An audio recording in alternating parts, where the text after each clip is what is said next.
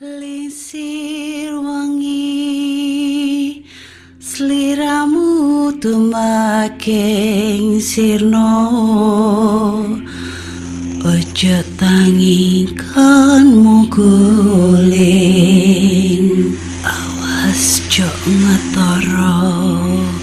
Aku lagi bang wingo wingo. Jin setan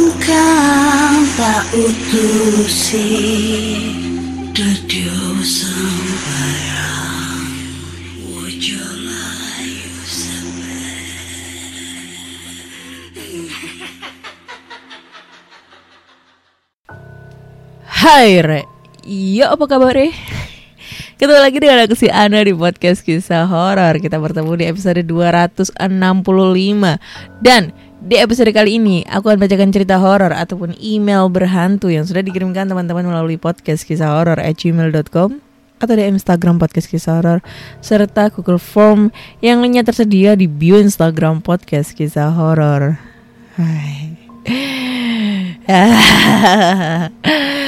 Aku tak nguyu dhisik.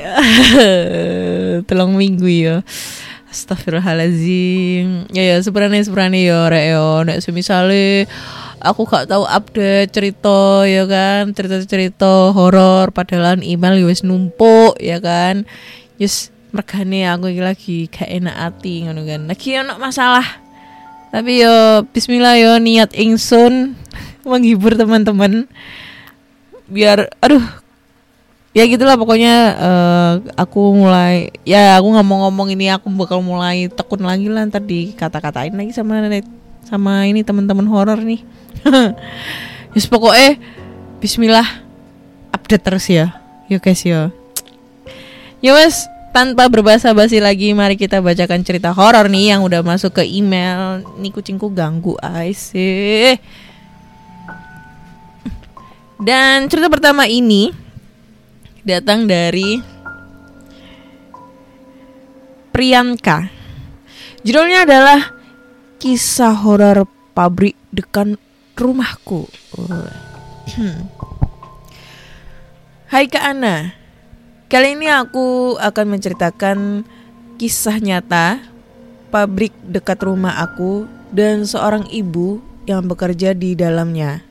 Padahal tidak ada orang. Tetapi di mata ibu itu terdapat banyak orang di dalam pabrik. Konon pabrik itu udah enam bulan tidak dipakai. Dengar-dengar karena dulu pernah ada yang tewas tersetrum di dalam pabrik sehingga si korban sering menampakkan wujudnya. Akhirnya pabrik mengalami kebangkrutan. Jadi gini ceritanya. Pabrik ini terletak di daerah sepi berdiri sebuah pabrik yang tak terlalu besar. Ya kurang lebih seperti pergudangan dan ini berada di daerah Cengkareng, Jakarta Barat. Konon pabrik ini tuh pernah ada yang tewas di dalamnya karena tersengat listrik. Dan arwahnya sering bergentayangan sehingga membuat karyawan menjadi tidak betah. Dan pabrik ini sudah enam bulan terbengkalai. Namun jika melihat ke dalam pabrik, hanya ada ruangan kosong yang diisi rumput liar yang tinggi. Pepohonan dan batang kayu yang siap dibakar, serta ban dalam entah dari mana datangnya. Jadi awal ceritanya, ketika suatu pagi, terlihat ibu-ibu berusia sekitar 30-an berangkat untuk melamar kerja. Dan tetangga bertanya, mau ke mana mbak? Mau ngelamar di pabrik, Mbak. Emang sama siapa? Sendiri aja. Oh. Dan sekitar beberapa jam ibu itu pulang dan tetangga kembali bertanya. Udah mbak ngelamarnya? Udah. Keterima. Alhamdulillah keterima. Tadi di interview tiga orang. Aku yang diterima. Syukur deh kalau gitu mbak. Iya, besok malam saya udah mulai kerja. Oh kerjanya malam ya? Iya, kata bosnya itu dari jam 11 sampai subuh. Oh berarti kena shift malam. Iya mbak, ya sudah ya saya pulang dulu.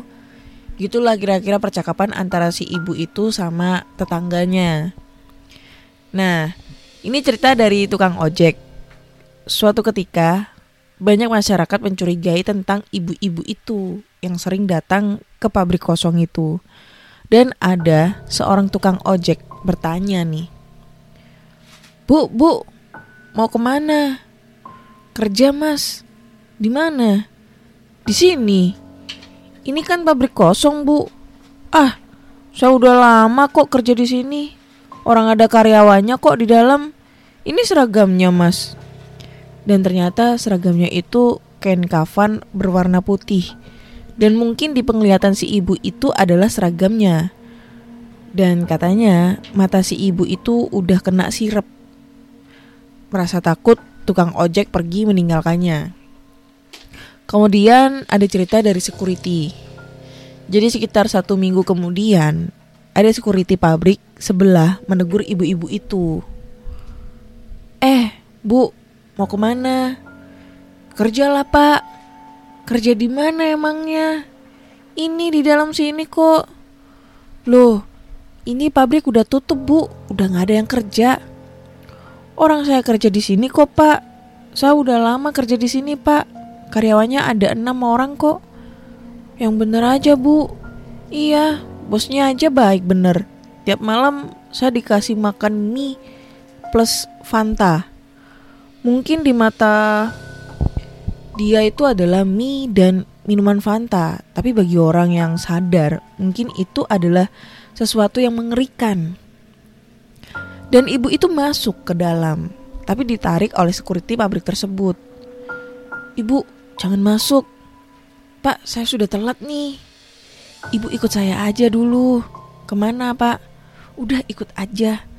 Sambil narik tangan ibu itu. Dan akhirnya si ibu itu dibawa ke sekitar yang ahli ilmu spiritual. Dan ibu itu diantar pulang ke rumah. Dan konon kabar beredar keesokan harinya si ibu itu meninggal. Anjay.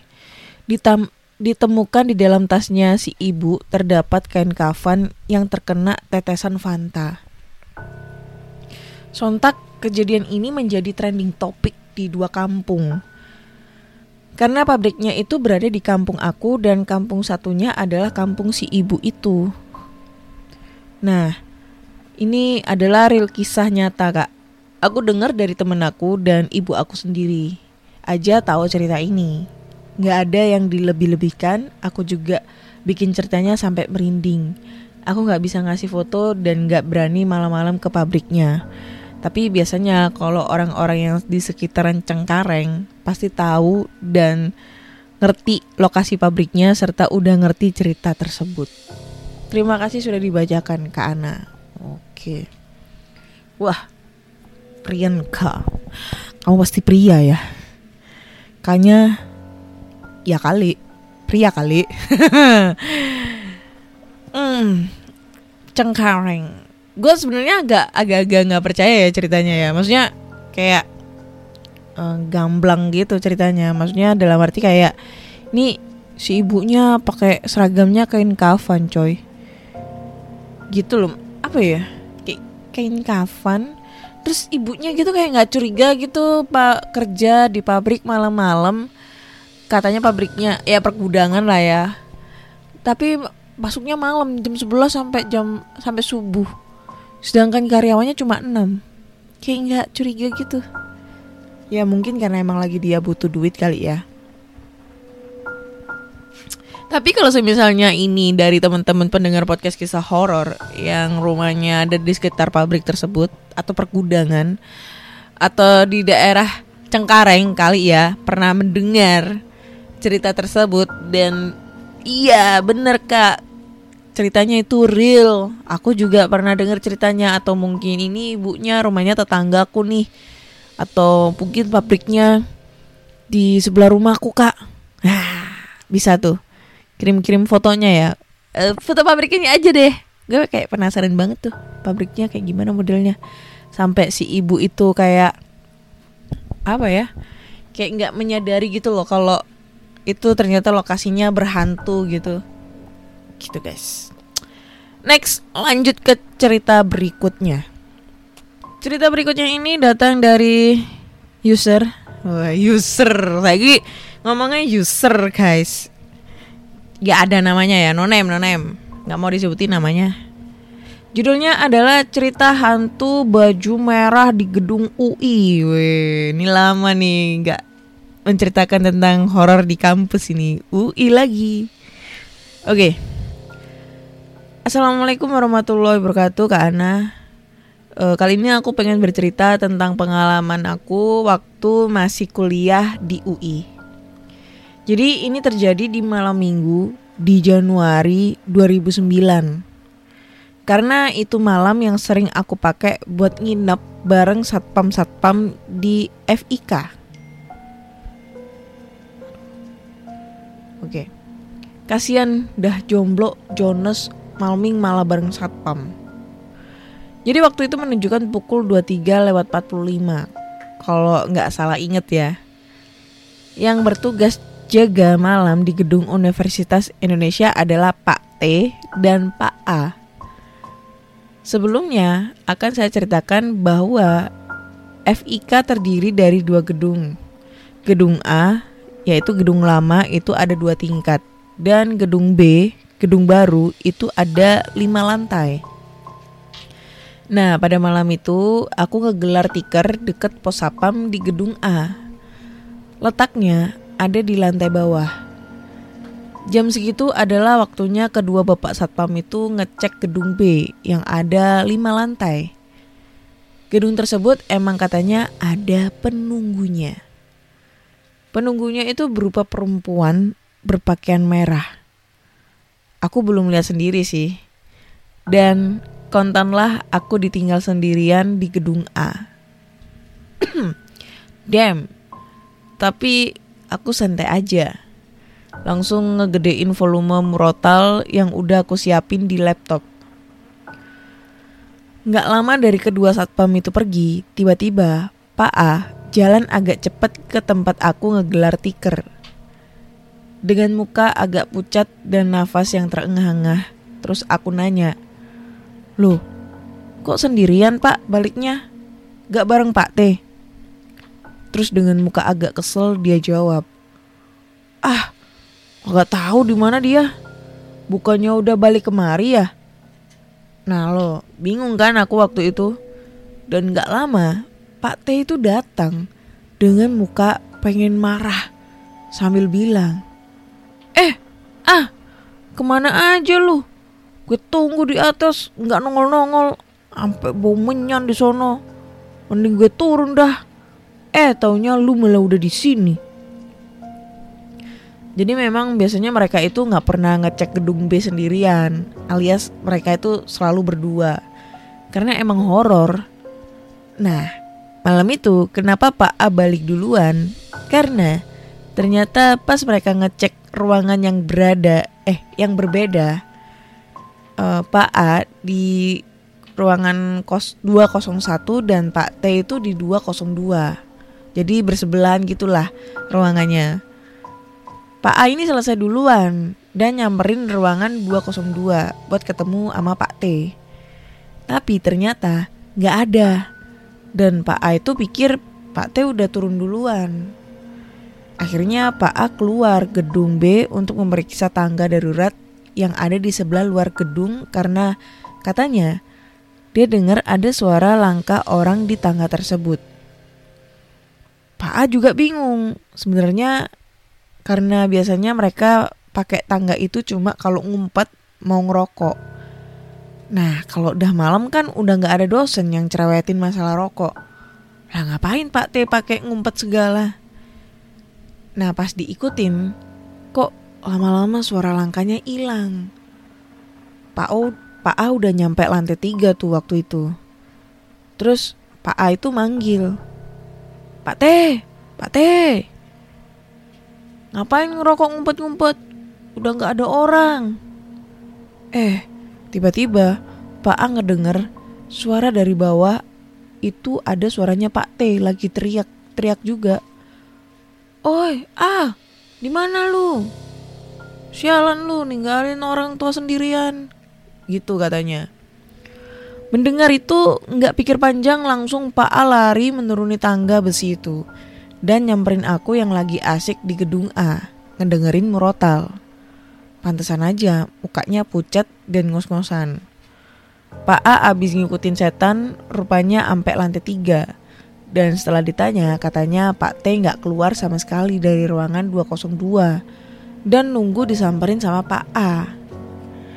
Memang itu kebiasaan yang dilakukan selama ini oleh mereka berdua kalau lagi ngecek gedung B. Demikianlah kisah cerita hantu baju merah di gedung UI. Semoga Anda selalu ingat pada Allah taala. Wassalam. Oke. Tapi ini kan ceritanya kan nggak ada sangkut pautnya sama setan baju merah ya alias kuntilanak merah gitu kali ya. Jadi eh uh, gimana? Kayak gimana ya?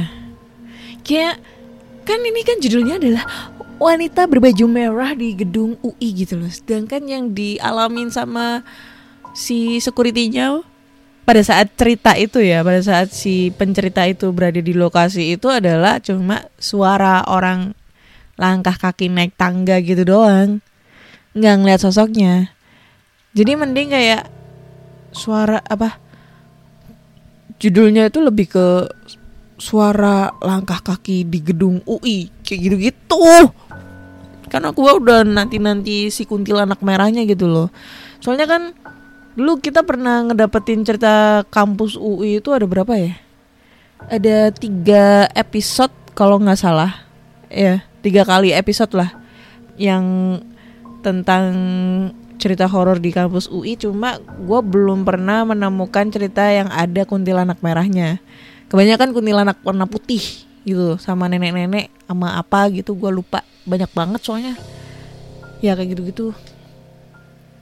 Hmm, serem kurang ya jadi next kita lanjutin ke cerita berikutnya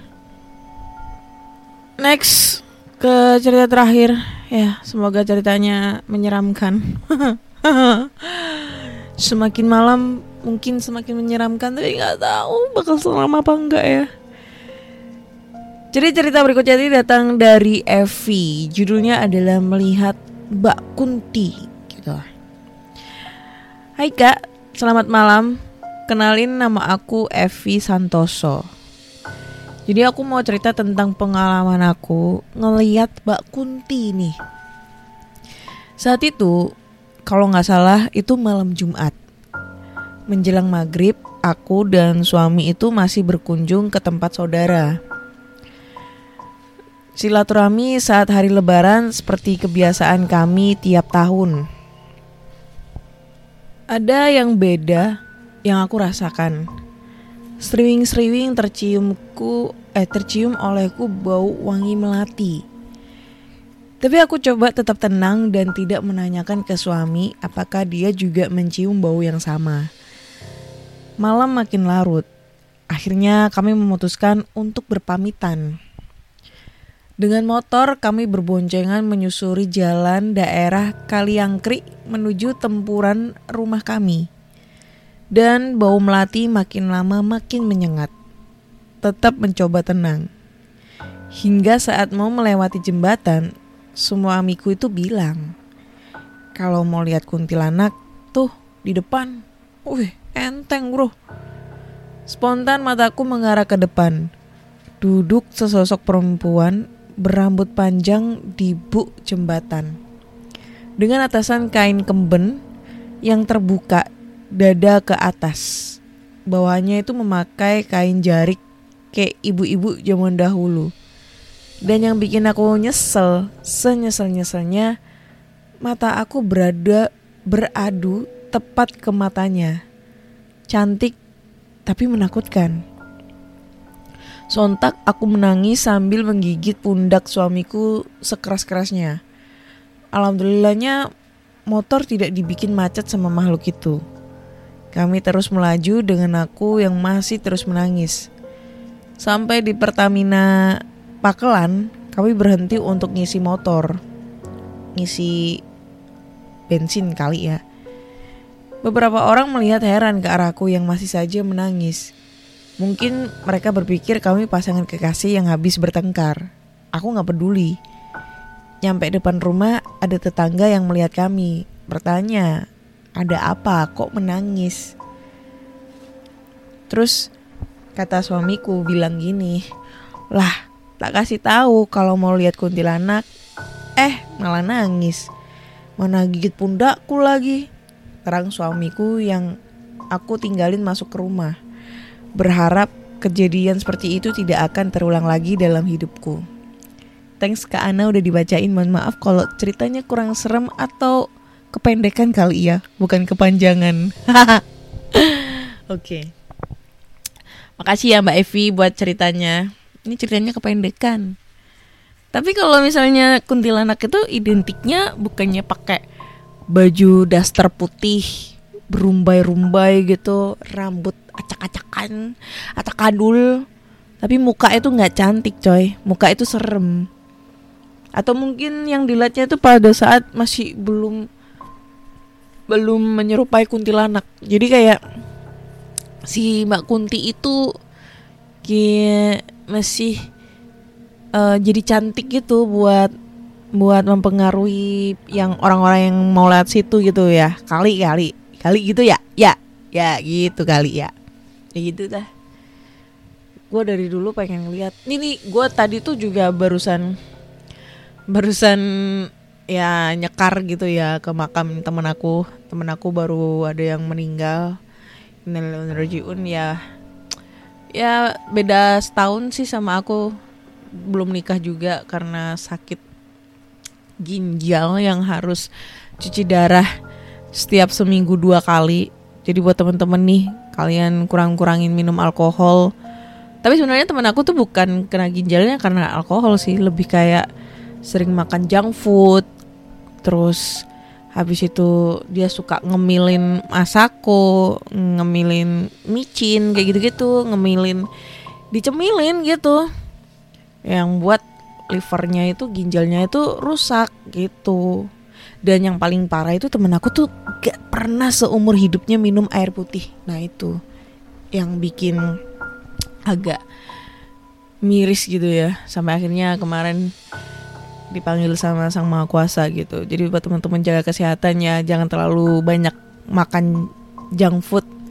Jangan terlalu sering sih lebih tepatnya makan-makan sederhana aja nasi sama sayur gitu. Nggak usah yang karena kan kebanyakan kalau junk food itu kan pakai bahan pengawet ya.